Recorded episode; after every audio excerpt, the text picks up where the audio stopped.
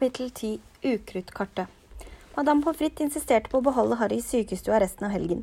Ikke diskuterte han, og ikke klagde han, men han nektet å la henne kaste de sørgelige restene av sin Nimbus 2000. Han visste han var barnslig, visste at Nimbusen aldri kunne repareres, men han kunne ikke for det. Han følte seg som om han hadde mistet en av sine beste venner. Han hadde en konstant strøm av besøkende, og samtlige ville muntre ham opp. Gygrid sendte en bukett blomster som var fulle av saksedyr og så ut som gule kålhoder. Gulla Wiltersen kom blussende rød med et god bedring-kort som hun hadde lagd selv, som sang skjærende hvis ikke Harry holdt det lukket under fruktfatet. Griffinglaget kom på nytt besøk søndag morgen, denne gangen med Kvist også, som sa til Harry med en hul, livløs røst at han ikke bebreidet ham overhodet. De eneste gangene Ronny og Hermine forlot ham, var om nettene, men ingenting noen sa eller gjorde fikk Harry til å føle seg bedre, for de visste bare halvparten av det som plagde ham. Han hadde ikke fortalt noen om Grimmen, ikke engang Ronny og Hermine, for han visste at Ronny ville få panikk, mens Hermine ville fnyse foraktelig. Ikke desto mindre hadde den nå vist seg to ganger, og begge gangene hadde han nesten endt med en dødsulykke. Den første var han nesten blitt overkjørt av nattbussen, den andre hadde han falt av soplimen og 15 meter ned. Skulle Grimmen fortsette å hjemsøke ham han virkelig, til han virkelig døde, måtte han se seg over skulderen etter beistet resten av livet. Og så var det desperantene. Harry ble helt kvalm og ydmyket hver gang han tenkte på dem. Alle sa at desperantene var fæle, men ingen andre datt sammen hver gang de kom i nærheten. Ingen andre hørte ekkoer i hodet av sin døende foreldre. For Harry visste jo hvem, nå hvem som skrek. Han hadde hørt ordene hun skrek, hørt dem gang på gang i nattetimene i sykestua mens han lå våken og stirret på strimene av måneskinn i taket. Når desperantene kom i nærheten av ham, hørte han de siste sekundene av sin egen mors liv. Hørte at hun prøvde å beskytte ham. Harry fra Voldemort den store, og hørte Voldemorts latter før han myrdet henne.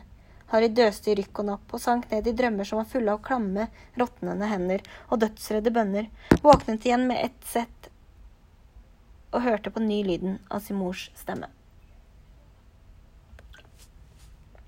Det var en lettelse på mandag å komme tilbake til støyen og travelheten på skolen, for han fikk andre ting å tenke på, selv om det betydde at han måtte tåle hånsordene fra Draco Malfang. Var nesten fra seg av begeistring over Griffings tap. Nå hadde han endelig fått av seg bandasjene og feiret i sin nye fulle følelighet med å gjøre livaktige imitasjoner av Harry som falt av sopelimen. Malfang brukte også det meste av de neste eliksirtimene på å gjøre desperant-imitasjoner fra den andre enden av fangehullet. Til slutt sprakk Ronny og kylte et stort, sleipt krokodillehjerte på ham. Det traff ham midt i fjeset og fikk Slur til å ilegge Griffing 50 poeng i bot. Hvis Slur skal ta flere timer i forsvar mot svartekunster, legger jeg meg sjuk, sa Ronny da de gikk til Lupus sitt klasserom etter lunsj. Sjekk hvem av dem som er der inne, Hermine. Hermine tittet i dørsprekken. Det er i orden. Professor Lupus var på jobben igjen, og han så virkelig ut til å ha vært syk. Den gamle kutten hans sang enda løsere om ham, og han hadde mørke skygger under øynene, men likevel smilte han til klassen mens de satte seg på plassene sine, og straks kom en eksplosjon av klager om hvordan Slur hadde oppført seg mens Lupus var syk. Det er ikke rettferdig, han var bare vikar, hvorfor skulle han gi oss lekser? Vi vet vel ingenting om varer ved to ruller pergament? Sa dere til professor Slur at vi ikke hadde hatt om dem ennå? spurte Lupus og rynket litt på pannen. Ny runde med snadring. Ja, men han sa vel også langt etter, ville ikke høre på oss, to ruller pergament! Det indignerte uttrykket i alles fjes fikk professor Lupus til å smile. Ta det med ro, jeg skal snakke med professor Slur. Dere behøver ikke skrive den stilen. Å nei, sa Hermine og så dypt skuffet ut. Jeg er jo ferdig med den alt. Det ble en riktig spennende time. Professor Lupus hadde med seg en glasstank som inneholdt en lyktemann, et lite enbeint vesen som så ut som han bestod av små røykdotter og temmelig skrøpelig og harmløs dessuten. Den lokker reisende ut i hengemyrer, sa professor Lupus, og de noterte. Dere ser lykta som dingler fra den ene hånden, den hopper foran, Folk følger lyset, og så lyktemannen kom med en ekkel, slubrende lyd mot glasset. Da det ringte ut, samlet alle sammen sakene sine og satte kursen for døra. Harry Aamen. Vent litt, Harry, ropte Lupus etter ham. Jeg vil gjerne ha et ord med deg. Harry kom tilbake og ventet mens professoren dekket over lyktemannen med et tøystykke. Jeg hørte om kampen, sa løpes mens han kom tilbake til kateteret og begynte å legge bøkene i dokumentmappa. Og det var leit med den soplimen din, er det noen mulighet for at den kan repareres? Nei, sa Harry. Tre knuste den i småbiter. Lupus sukket. De plantet prylepillen samme år som jeg kom til Galtvort. Folk pleide å more seg med å prøve å komme nær nok til å ta på stammen. Til slutt var det en gutt som het David Dosmer som nesten mistet et øye, og da ble det forbudt mot å komme i nærheten av den. En soplime ville ikke hatt en sjanse. Hørte de om desperantene òg, klarte Harry å få fram. Lupus skottet fort på ham. Ja, jeg gjorde det. Jeg tror ingen av oss har sett Dr. Rumlesnurr så sint som da. De var blitt stadig mer rastløse i det siste. Rasende fordi han har nektet dem å komme inn på skoleområdet. Jeg går ut fra at det var derfor du falt? Ja, sa Harry. Han nølte litt med spørsmålet han bare måtte stille bratt ut av ham før han rakk å stanse det. Hvorfor? Hvorfor virker de sånn på meg? Er det rett og slett at jeg Det har ingenting med svakhet å gjøre, sa professor Lupus skarpt, som om han hadde lest Harrys tanker. Desperantene virker sterkere på deg enn på de andre, fordi du har skrekkopplevelser bak deg som de ikke har. En vinterlig solstråle falt inn i klasserommet og lyste på professor Lupus' grå hår og rynkene i det unge ansiktet. Desperanter er blant de avskyeligste vesener som går omkring på denne jord. De flokker seg på de mørkeste, ekleste steder, og de fryder seg over forråtnelse og fortvilelse. De suger all fred og håp og glede ut av lufta som omgir dem. Selv gomper føler dem når de er der, selv om de ikke kan se dem. Kommer du for nær en desperant, vil hver gode følelse du har, hvert godt minne bli sugd ut av deg så sant den kan. Vil den suge næring av deg helt til den har redusert deg til noe som ligner den selv, noe sjelløst og ondt Alt du har tilbake, er det verste minnet du har, og det verste som har skjedd deg, Harry, kunne være nok til å få hvem som helst til å falle av sopelimmen. Du har ingenting å skamme deg over. Når de kommer nær meg, så har jeg stirret på kateteret og strupet snøret seg sammen. Så kan jeg høre Voldemort myrde moren min. Lupus gjorde en brå bevegelse med armen, som om han hadde tenkt å ta Harry i skulderen, men kom på bedre tanker. Det ble stille et øyeblikk. Så hvorfor måtte de absolutt komme til den kampen, sa Harry bittert. De var i ferd med å bli sultne, sa Lupus rolig, og lukket mappa med et smell. Humlesnurr ville ikke slippe dem inn på skolen, så tilgangen på menneskelige ofre har stoppet opp. Jeg tror rett og slett ikke de greide å motstå en så stor menneskemengde som der på Rumpeldunkbanen. All opphisselsen, sterke følelser Det var det nærmeste de kommer et festmåltid. Askaban var forferdelig, mumlet Harøy. Lupus nikket bistert. Festningen ligger på en ørliten øy langt ute i havet, men de trenger ikke murer og vann for å holde på fangene sine. Ikke når de er fanget inne i sitt eget hode og ikke kan tenke på en eneste glad tanke. De fleste blir gale på bare noen uker. Men Sirius Svart rømte fra dem, sa Harry langsomt. Han kom seg unna. Dokumentmappa til Lupus gled ned fra kateteret, og han bøyde seg og tok den opp. Ja, sa han og rettet seg opp igjen. Svart må ha funnet en måte å bekjempe dem på. Jeg trodde ikke det var mulig. Desperante skal jo til sigende suge en trollmann tom for alle hans evner hvis han er omgitt av dem for lenge. Men de fikk den desperanten på toget til å trekke seg unna, sa Harry plutselig. Det finnes visse forsvar mot dem, sa Lupus, men på toget var det bare én desperant. Jo flere det er, jo vanskeligere blir det å stå imot. Hva slags forsvar? spurte Harry med det samme. Kan de lære meg det? Jeg skal ikke late som jeg er noen ekspert på å bekjempe desperanter, Harry. Tvert imot. Men hvis desperantene kommer til flere rumpeldunk-kamper, er jeg nødt til å vite åssen jeg skal slåss mot dem. Lupus så ned i Harrys besluttsomme fjes. Han nølte, så sa han. Vel, ja vel, jeg skal prøve å hjelpe deg, men det må vente til neste termin, er jeg redd. Jeg har masse jeg skal ha gjort før skoleferien. Det var en usedvanlig lite velvalgt tid å bli syk på. Løfter om antidesperanttimer fra Lupus, tanke på at han kanskje aldri skulle behøve å høre morens død igjen, pluss det at Ravnklo nærmest jevnet Håsblås med jorda i Rumpelonkampen dem imellom i november, gjorde Harry absolutt lysere til sinns. Griffing var ikke definitivt slått ut likevel, selv om de ikke hadde råd til å tape flere kamper. Kvist fikk tilbake sin maniske energi og tvang laget til å slite hardere enn noensinne i det kalde regnværet som varte til ute i desember. Harry så ikke antydningen til noen desperant inne på skoleområdet. Det virket som Humlesnøs sinne holdt dem på plass ved portene. To uker før juleferien lysnet plutselig himmelen til skinnende perlemorshvitt, og den sølete bakken viste seg en morgen dekket av glitrende frost. Inne i borgen begynte det å summe av juleforventning. Professor Pirrivimp, formularlæreren, hadde allerede pyntet klasserommet sitt med skimrende lys som viste seg å være ekte flagrende alfer. Elevene pratet fornøyd i vei om sine planer for ferien. Både Ronny og Hermine hadde bestemt seg for å bli på Galtvort, og selv om Ronny sa det var fordi han ikke orket tanken på to uker sammen med Perry, og Hermine insisterte på at hun hadde masser å gjøre på biblioteket, lurte de ikke Harry. De gjorde det for å holde ham med selskap, og det var han meget glad for. Til tross for glede for alle andre enn Harry skulle det bli en ny tur til Galtvang den aller siste helgen i høstterminen. Vi kan ordne all julehandlingen der, sa Hermine. Mamma og pappa vil sikkert elske den ta tanntrådtyggelsen fra Honningslurp. Harry avfant seg med at han nok en gang kom til å bli den eneste tredjeklassingen som satt igjen på skolen, så han lånte et nummer av Topp ti sopelimer av Kvist, og bestemte seg for å bruke den dagen til å lese seg opp på de ulike merkene. På rumpelokktegninga hadde han nå ridd på en av skolelimene, en eldgammel stjerneskudd som var fryktelig treg og ustø. det var ikke tvil om at han trengte en ny som var hans egen. Om morgenen den lørdagen de andre skulle til Galtvang, sa Harry adjø til Ronny og Hermine, som hadde pakket seg inn i kapper og skjerf og gikk alene opp marmortrappa igjen for å gå tilbake til Griffingtårnet. Utenfor vinduene hadde det begynt å snø, og borgen var uvant rolig og stille. Pst, Harry! Han snudde seg, halvveis i gangen i fjerde, og der myste Fred og Frank fram fra bakom en statue av en pukkelrygget, enøyd heks. Er det dere driver med? spurte Harry nysgjerrig. Hvorfor er dere ikke i Galtvang? Vi kom bare for å gi deg litt julestemning før vi går, sa Fred med en hemmelighetsfullt plunk. Bli med inn her. Han nikket mot et tomt klasserom til venstre for den enøyde statuen. Harry fulgte etter tvillingen inn. Frank lukket døra forsiktig før han snudde seg mot Harry med et bredt smil. Vi har en forhåndsjulegave til deg, Harry. sa han. Med en elegant gest trakk Fred fram noe under kappen og la det på en av pultene. Var et stort, firkantet, svært lite pergamentstykke som det ikke sto noe som helst på. Harry stirret på det med en sterk mistanke om at det var et av Fred og Franks vanlige morsomme påfunn. Hva skal det være, liksom? Dette, Harry, er hemmeligheten bak vår suksess, sa Frank, og klappet kjærlig på pergamentet. Det gjør litt vondt å gi det videre, sa Fred, men vi bestemte oss i går kveld for at du trenger det mer enn oss. Og forresten så kan vi det utenat, sa Frank. Nå kan du arve det, vi trenger det ikke egentlig mer. Og hva skal jeg med en bit gammel pergament, sa Harry. En bit gammel pergament, sa Fred, og lukket øynene med en grimase som om Harry hadde fornærmet ham dødelig. Forklarende, Frank. Vel, Harry, da vi var førsteklassinger, unge, ubekymra, uskyldige, Harry snøftet. Han tvilte på om Fred og Frank noen gang hadde vært uskyldige. Ok, da. Mer uskyldige enn vi var nå. Så havna vi aldri så lite trøbbel med Nask.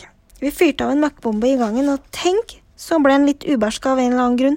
Han dro oss med på kontoret og begynte å true med alt det vanlige. Arrest, bokspretting, og så kunne vi ikke la være å legge merke til en skuff i et av arkivskapene hans hvor det sto konfiskert og livsfarlig. Ikke fortell meg at, Sari og kunne ikke la være å flire. Vel, hva hadde du gjort, sa Fred. Frank ordna en av avledningsmanøver med en ny møkkbombe, og jeg trakk opp skuffen og snappa dette. Det er ikke så verst som det låter, skjønner du, sa Frank. Vi tror ikke at Nask hadde funnet ut åssen det virka, men han hadde nok en mistanke om hva det var, ellers hadde han vel ikke konfiskert det. Men dere vet hvordan det virker, altså. Å ja da, sa Fred med et fett glis. Denne lille skjønnheta her har lært oss mer enn alle lærerne her på skolen til sammen. Dere bare tuller meg, sa Harry så på den lurvete gamle pergamentbiten. Å, gjør vi det nå, sa Frank. Han tok fram tryllestaven, slo lett på pergamentet og sa. Jeg sverger på tro og ære at jeg er ute på revestreker. Og ikke før han hadde sagt det, før tynne blekklinjer begynte å spre seg som spindelvev utover fra det punktet tryllestaven hadde berørt.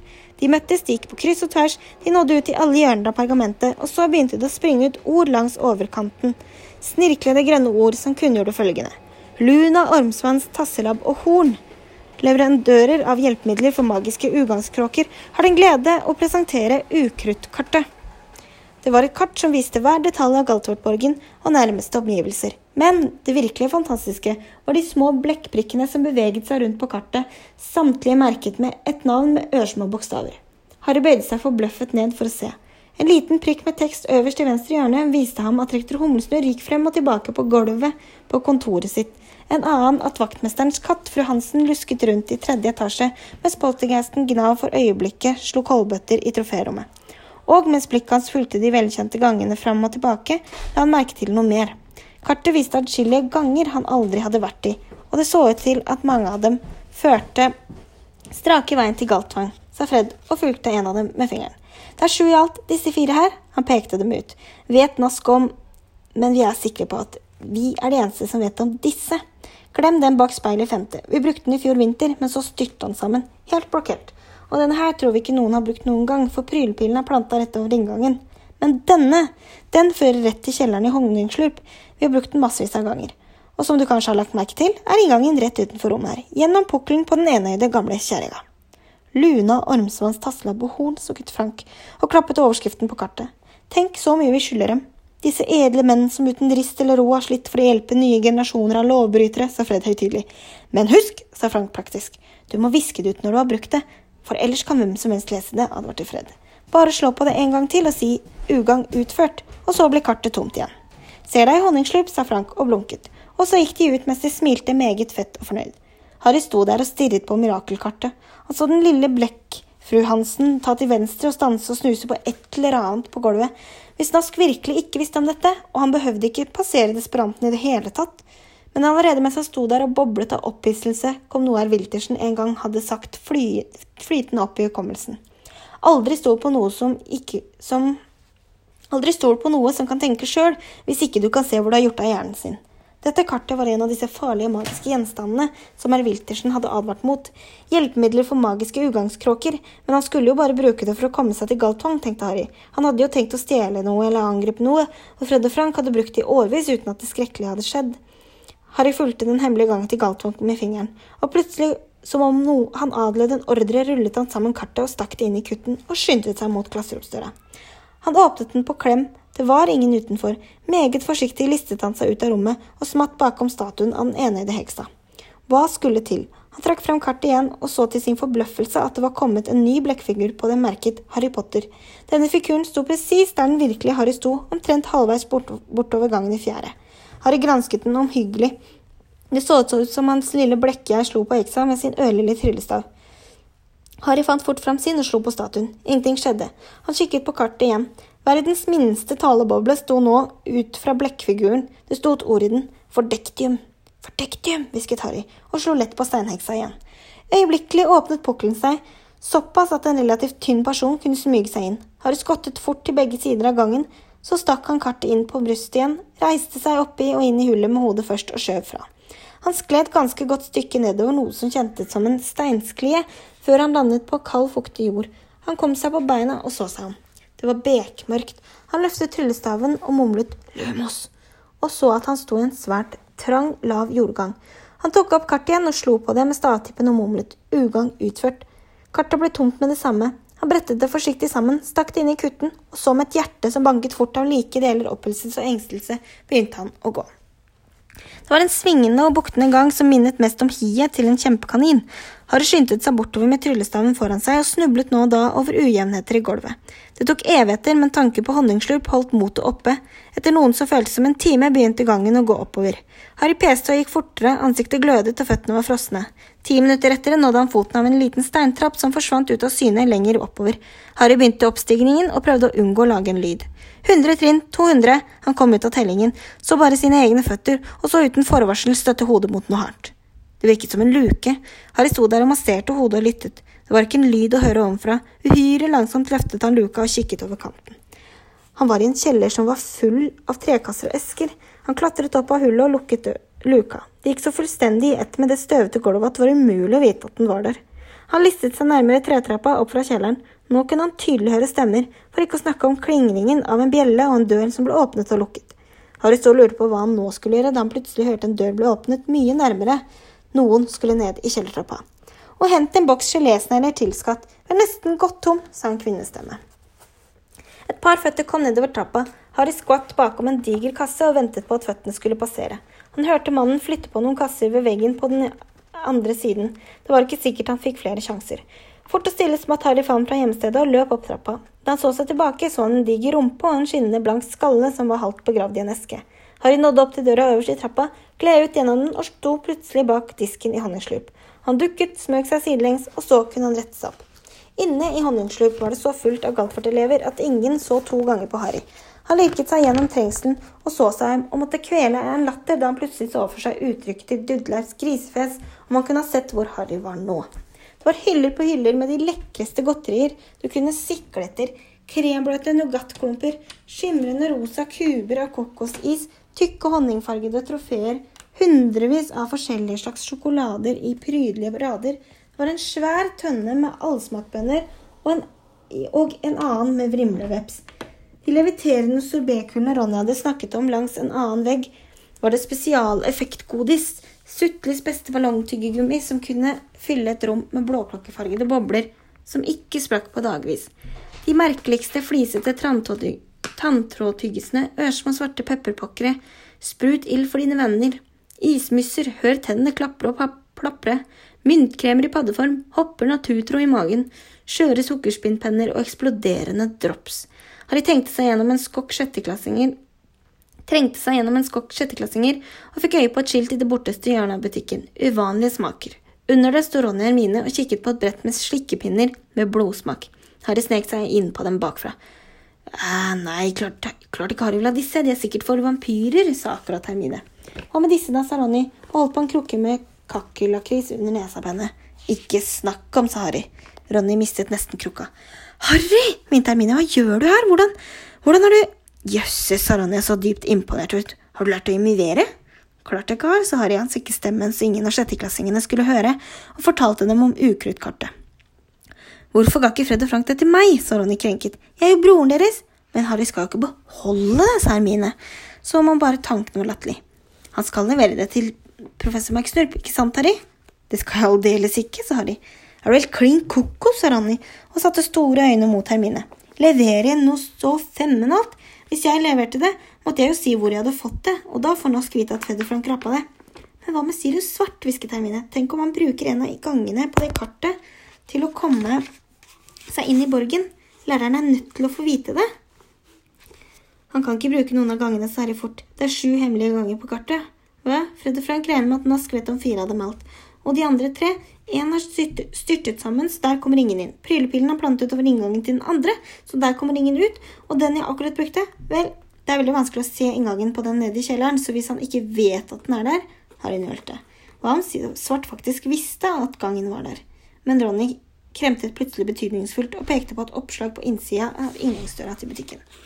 Melding fra Magidepartementet. Vi gjør våre kunder oppmerksom på at gatene i Galtvang blir patruljert av desperanter hver kveld etter solnedgang. Dette tiltaket, som er iverksatt av hensyn til Galtvang-innbyggernes egen sikkerhet, gjelder inntil videre og vil bli innstilt straks Sirius Svart blir tatt til forvaring. Det er derfor tilrådelig at de gjør dem ferdig med handlingen i god tid før solnedgangen. God jul! Ser dere, sa Ronny lavt, jeg skulle likt å se Svart prøve å bryte seg inn i honningslurp mens hele landsbyen kryr av desperanter, og forresten, Hermine, så hadde vel de som eier butikken hørt at det var innbrudd, ikke sant, de bor jo i andre etasje her. Jo, men, men det virket som Hermine anstrekte seg for å finne flere problemer. Men uansett så skulle ikke Harry ha vært her i Galtvang, han har jo ikke skjema med underskrift, gjett om han får bråk hvis noen oppdager det, og det er ikke solnedgang ennå heller, og han Sirius Svart dukker opp i dag, nå. Da skulle hun fått problemer med å finne Harry det der, sa Ronny og nikket ut gjennom de smårutete vinduene på snøen som virvlet utenfor. Gi deg nå, Hermine, de er jo jul, og Harry har vel fortjent å ha det litt hyggelig? Hermine bet seg i leppa og så ytterst bekymret ut. Har du tenkt å melde meg? sa Harry og flirte. Å, så klart ikke, men alvorlig talt, Harry. Har du sett vrimlevepsen, Harry? sa Ronny og grep tak i ham og trakk ham med seg bort til tønna. Og gelésneglene og syreskuddene Fred ga meg en sånn da jeg var sju, den svei høl rett gjennom hele tunga. Jeg husker at mutter'n ga han en omgang med sopelimen etterpå. Ronny stirret dystert ned i syreskuddesken. Tror du Fred tar en bit kakkelakris hvis jeg sier at det er peanøtter? Da Ronny og Hermine hadde betalt for alle godteriene sine, gikk alle tre ut av honningslurp og ut i snøstormen. Galtvang så ut som et julekort. Alle de små eh, stråtekte husene og butikkene var dekket av et tykt lag nysnø. Det hang kristtornkranser på dørene og rader med hekselys i trærne. Harry skalv. I motsetning til de andre to hadde han ikke kappe. De gikk bortover gata og bøyde hodet mot vinden mens Ronny og Hermine ropte gjennom skjerfet. Der er postkontoret! Sonko ligger der borte. Vi kunne gå bort til hylehuset. Hei, dere, sa Ronny med klaprende tenner. Skal vi ikke gå og ta en smørtrøll på tre soplimer? Det var Harry mer enn villig til, for vinden skar og hendene var stivfrosne, så de gikk over veien og noen minutter etter kom de inn på det lille vertshuset. Der inne var det utrolig fullt, støyende varmt og røykfullt. En kvinne med pent fjes og påfallende kurver serverte en gjeng bråkete heksemestere borte ved bardisken. Det er madame Rosmerta, sa Ronny. Skal jeg gå og hente noe å drikke, sa han, og ble litt rød. Harry og Hermine badet seg vei til et lite, ledig bord bakerst i baren, mellom vinduet og et staselig juletre ved peisen. Fem minutter etter kom Ronny bærende på tre skummende krus med varmt smørtevær. God jul, sa han fornøyd og løftet begeret. Harry tømte en god del av sitt. Det var det deiligste han noen gang hadde smakt. Det var som om det varmet opp hver tøddel innenfra. Et plutselig vindpust rusket ham i håret. Noen hadde åpnet døra til tre soplimer igjen. Harry kikket over kanten av kruset og satte drikken i halsen. Professor McSnurr, professor Pirvimp, hadde akkurat kommet inn i baren i en virvel av snøfugl. Rett bak dem kom Gygrid i ivrig samtale med en lubben mann i limegrønn bowlerhatt og nålestripet kappe. Cornelius Bløff, statsråd i Magidepartementet. I neste sekund hadde både Ronny og Hermine slått hendene på hodet til Harry og dyttet ham ned av krakken og under bordet. Der satt Harry med sitt tomme krus ut av syne, men dryppende av smørtrøl, og så føttene til lærerne og Bløff gå mot bardisken. Stanse, snu og komme rett mot ham. Et steds over ham hvisket Hermine. Mobili florabus. Juletreet bortenfor bordet deres løftet seg noen centimeter fra gulvet, drev sidelengs og landet med et mykt dunk rett foran bordet så de ble skjult. Harry myste ut gjennom de nederste greinene og så fire stoler bli trukket ut fra bordet ved siden av dem. Og så hørte han grynt og sukk idet læreren og ministeren satte seg. Det neste han så, var et nytt par føtter, disse iført høyhælte sko i glitrende turkis, og han hørte en kvinnestemme. En liten fiolvann. Til meg, sa professor Max stemme. Takk for smerta, sa Gygrid. En kirsebærsaft og soda med is og parasoll. mm, sa professor Pirvim og smattet. Så da er det de som skal ha ripsrommet, da, minister. Mange takk, kjære Rosmerta, sa bløffstemme. Virkelig hyggelig å se deg igjen, må jeg si. Har du lyst på en selv? Du er velkommen til å sitte hos oss. Vel, takk som byrminister. Harry så de glitrende hælene marsjere bort og komme tilbake igjen. Hjertet hamlet ubehagelig tett oppi hals, helt oppi halsen. Hvorfor hadde det ikke falt ham inn at dette var, en, var terminens siste helg for lærerne også? Og hvor lenge hadde de tenkt å sitte her? Han måtte ha tid til å snike seg inn gjennom honningslurp hvis han skulle tilbake til skolen igjen. Det rykket nervøst i beint terminet Hermine foran nesa på ham. Så bringer den karen hit ut på landsbygda, minister, sa madam Rosmertas stemme. Harry så at nederdelen av Bløffs tykke kropp vred seg på stolen som om han så etter mulige tyvlyttere. Så sa han med lav stemme. Hva annet enn Sirius Svart, kjære deg, du har vel sikkert hørt hva som hendte oppe på skolen alle helgensaften? Jo, jeg hørte noen rykter, ja, innrømmet madame Rosmerta. Har du fortalt det til hele puben, Gygrid? sa professor McSnurp oppgitt. Tror de svarte er her i traktene fremdeles, minister, hvisket Rosmerta. Jeg er sikker på at han er det, sa Bløffkort. De vet at desperanten har ransaket vertshuset her to ganger, sa madame Rosmerta en anelse spist. Skremte vekk alle gjestene. Ikke særlig bra for forretningen, minister. Kjære Rosmerta, jeg liker dem ikke noe bedre enn deg, sa Bløffbryd. En, en, nødvendig forhåndsregel. Beklagelig, men slik er det. Jeg har akkurat møtt noen av dem. De er rasende på humlesnurr. Han vil ikke slippe dem inn på skoleområdet. Det skulle bare mangle, sa professor McSnurp skarpt. Hvordan skulle vi klare å undervise med de vederstyggelighetene flaksende rundt? Hør, hør, pep, ørlille professor Pirvimp. Føttene hans dinglet nesten en halvmeter over gulvet. Men de er altså her for å beskytte dere mot, langt verre, mot noe langt verre, da, innvendte Bløff. Vi vet alle hva svart er i stand til. Vet De hva, jeg har fremdeles vanskelig for å tro det, sa madame Rosmarte tankfullt. Det er mange som kunne gått over til svartesida, men Sirius Svart var den siste jeg ville trodd det om. Jeg mener, jeg husker ham fra da han var guttunge på Galtvort. Hvis noen hadde sagt til meg at til meg da hva det skulle bli av ham, hadde jeg sagt at de hadde fått for mye mjød. Du vet ikke halvparten engang, Rosmarte, sa Bløff brysk. Det verste han gjorde, er det mange som ikke vet. Det verste, sa madame Rosmerta med nysgjerrighet i hvert ord, det mener De mener verre enn å myrde alle de menneskene. Det skal være visst, sa Bløff. Det kan ikke være sant. Skulle, hva skulle være verre enn det? Du sier du husker han for galt, vårt Rosmerta, mumlet professor McSnurp. Husker du hvem hans beste venn var? Ja visst, sa madame Rosmerta med en liten latter. Du kunne jo knapt se den ene uten den andre. Jeg vet ikke hvor mange ganger jeg hadde dem her inne. Og jeg skal si de kunne få meg til å le. Jo, de vil litt av en dobbeltnummer, sier du Svart og Jacob Potter. Harry mistet kruset sitt med et solid klank. Ronny sparket til ham. Nettopp, sa professor McSnurp. Svart og Potter. Anførere for sin egen lille gjeng. Begge to meget gløgge, naturligvis. Usedvanlig gløgge, faktisk. Men jeg tror neppe hun noen gang har hatt et verre par bråkmakere. Jeg veit ikke, jeg, klokklo Gygrid. Fred og Frank Wiltersen kunne nok ha gitt dem skarp konkurranse. En skulle trodd at Svart og Potter også var tvillinger, innskjøt professor Pirvin. Uatskillelige. Visst var de det, sa Bløff. Potter stolte mer på Svart enn på noen andre av vennene sine, og det endret seg ikke da de sluttet på skolen. Svart var forlover da Jacob giftet seg med Lilly, og siden ble han gudfar for Harry. Harry aner jo ingenting om dette, selvsagt. Dere kan tenke dere hvor vondt det ville gjøre ham. Fordi Svart viste seg å stå i ledtog med han du vet, hvisket madame Brosmerta. Enda verre enn som så. Bløff senket stemmen og fortsatte med en slags lav rumling. Ikke mange vet at potterne var klar over at han du vet var ute etter dem. Humlesnurr motarbeidet jo utrettelig, han du vet, og hadde mange nyttige spioner. En av dem tipset ham, og han varslet Jakob og Lilly med det samme og rådde dem til å gå i dekning. Men det var selvsagt ikke så enkelt å gjemme seg for han du vet. Humlesnurr sa at Fidelius-formelen var den beste sjansen de hadde. Hvordan virker den? spurte madame Rosberta med åndeløs interesse. Professor Pirvim kremtet. Det er en forferdelig intrikat heksekunst sa han hviskende, som innebærer at en hemmelighet på magisk vis blir gjemt inni en bestemt levende sjel. Opplysningen blir altså bevart inni den betrodde personen, den såkalte lønndomsholderen, og er deretter umulig å avsløre, om da ikke lønndomsholderen selv røper den, selvsagt. Så lenge lønndomsholderen ikke sa noe, kunne han, du vet, ransake hele landsbyen hvor Lilly og Jacob bodde i årevis uten å finne dem, ikke engang om han presset nesa mot stuevinduet deres. Så svart var Potters lønndomsholder, altså, hvisket madame Rosmerta. Ja, selvfølgelig, sa professor McSup. Jacob Potter fortalte Humlesnurr at Svart heller ville dø enn røpe hvor de var, at Svart planla å gå i dekning selv. Men Humlesnurr var likevel bekymret. Jeg husker han tilbød seg å være lønndomsholder for potterne selv. Han hadde mistanke til Svart, gispet madame Rosmerta. Han var sikker på at noen som sto potterne nær, hadde røpet mye om dem til han du vet, sa professor McSnup mørkt.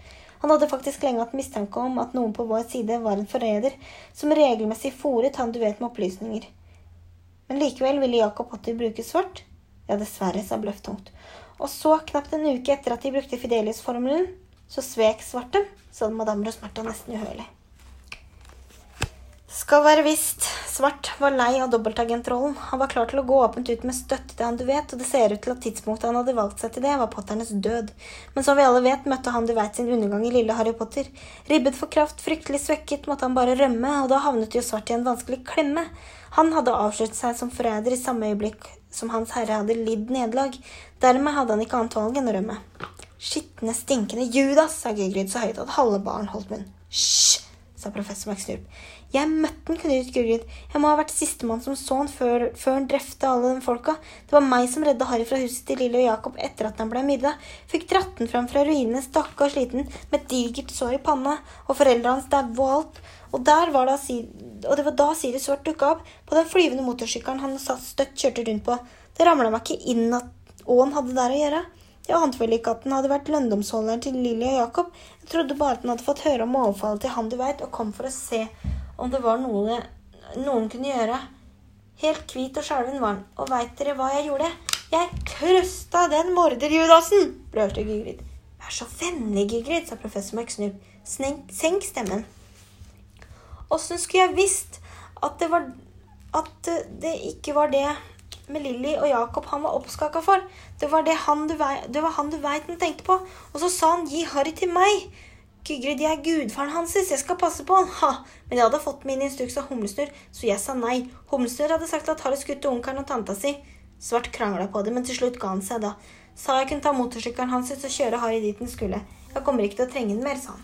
Jeg burde jo skjønt at det var noe lureri på gang. Da Han elska jo den motorsykkelen, så hvorfor skulle han liksom gi den til meg?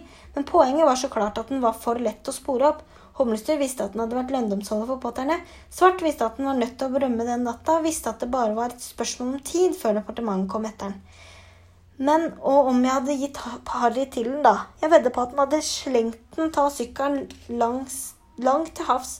Sønnen til hans egen bestevenn. Men når en trollmann først går over til svartsida, bryr han seg ikke mer om noe eller noen. Det ble lenge stille da Gygrid var ferdig med historien sin. Så sa madame og Smerta med en viss tilfredshet. Men han greide jo ikke å rømme, da, heldigvis. Magidepartementet fakta om dagen etter. Akk, om vi bare hadde det, sa Bløff bittert. Men det var ikke vi som fant ham. Det var lille Petter Pittelpytt, en annen av Potternes venner. Han var vel fra seg sorg, sikkert, og siden han visste at Svart hadde vært Potternes lønndomsholder, tok han opp jakten selv. Pittelpytt? Den tykke lille gutten som alltid hang etter dem på Galtvort? spurte madammer og Smerta. Svart og Potter var hans helter, sa professor McStubb. Han dyrket dem. Talentmessig var han aldri i nærheten av deres klasse. Jeg var ofte nokså skarp mot ham. Dere kan jo tenke dere hvordan jeg, eh, hvordan jeg angrer på det nå. Hun lød som om hun var blitt bråforkjølet. Så så, Minerva, sa Bløff vennlig. Pittelpitt døde av hel en heltedød. Øyenvitner gomper da, selvsagt. Vi slettet bindet deres etterpå. Fortalte hvordan Pittelpitt endelig fanget Svart. De sier han hikstet Lilly og Jakob, Sirius. Hvordan kunne du idet han trakk tryllestaven? Men Svart var jo raskere, naturligvis. Blåste Pittelpitt i fillebiter. Professor McSnoop pusset nesa og sa med tykk stemme.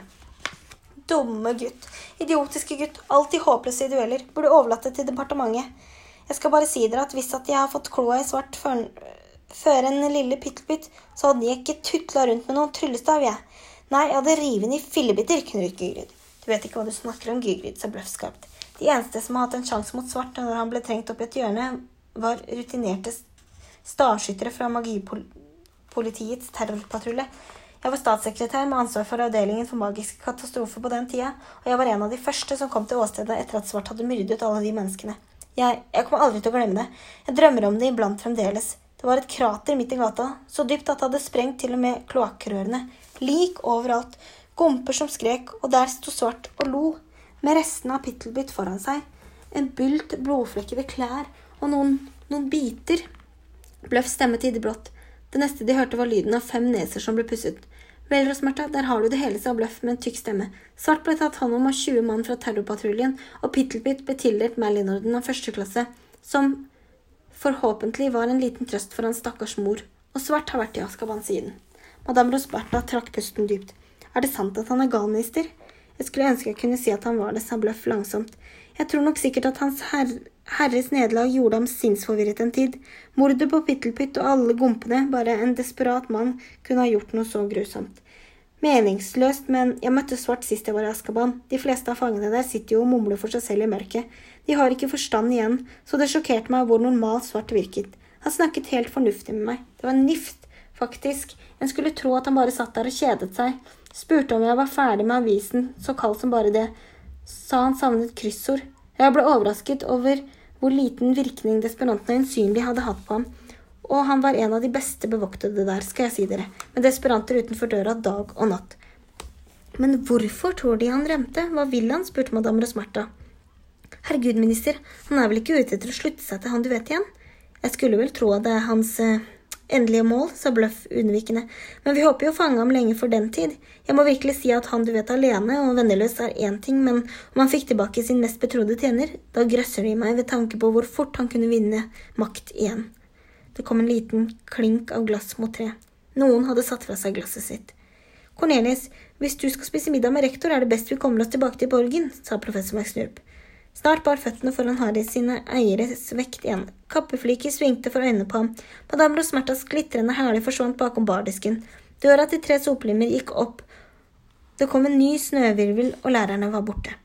Harry? Hodene til Ronny og Hermine kom til syne under bordet. Begge stirret på ham. Ingen av dem sa et ord.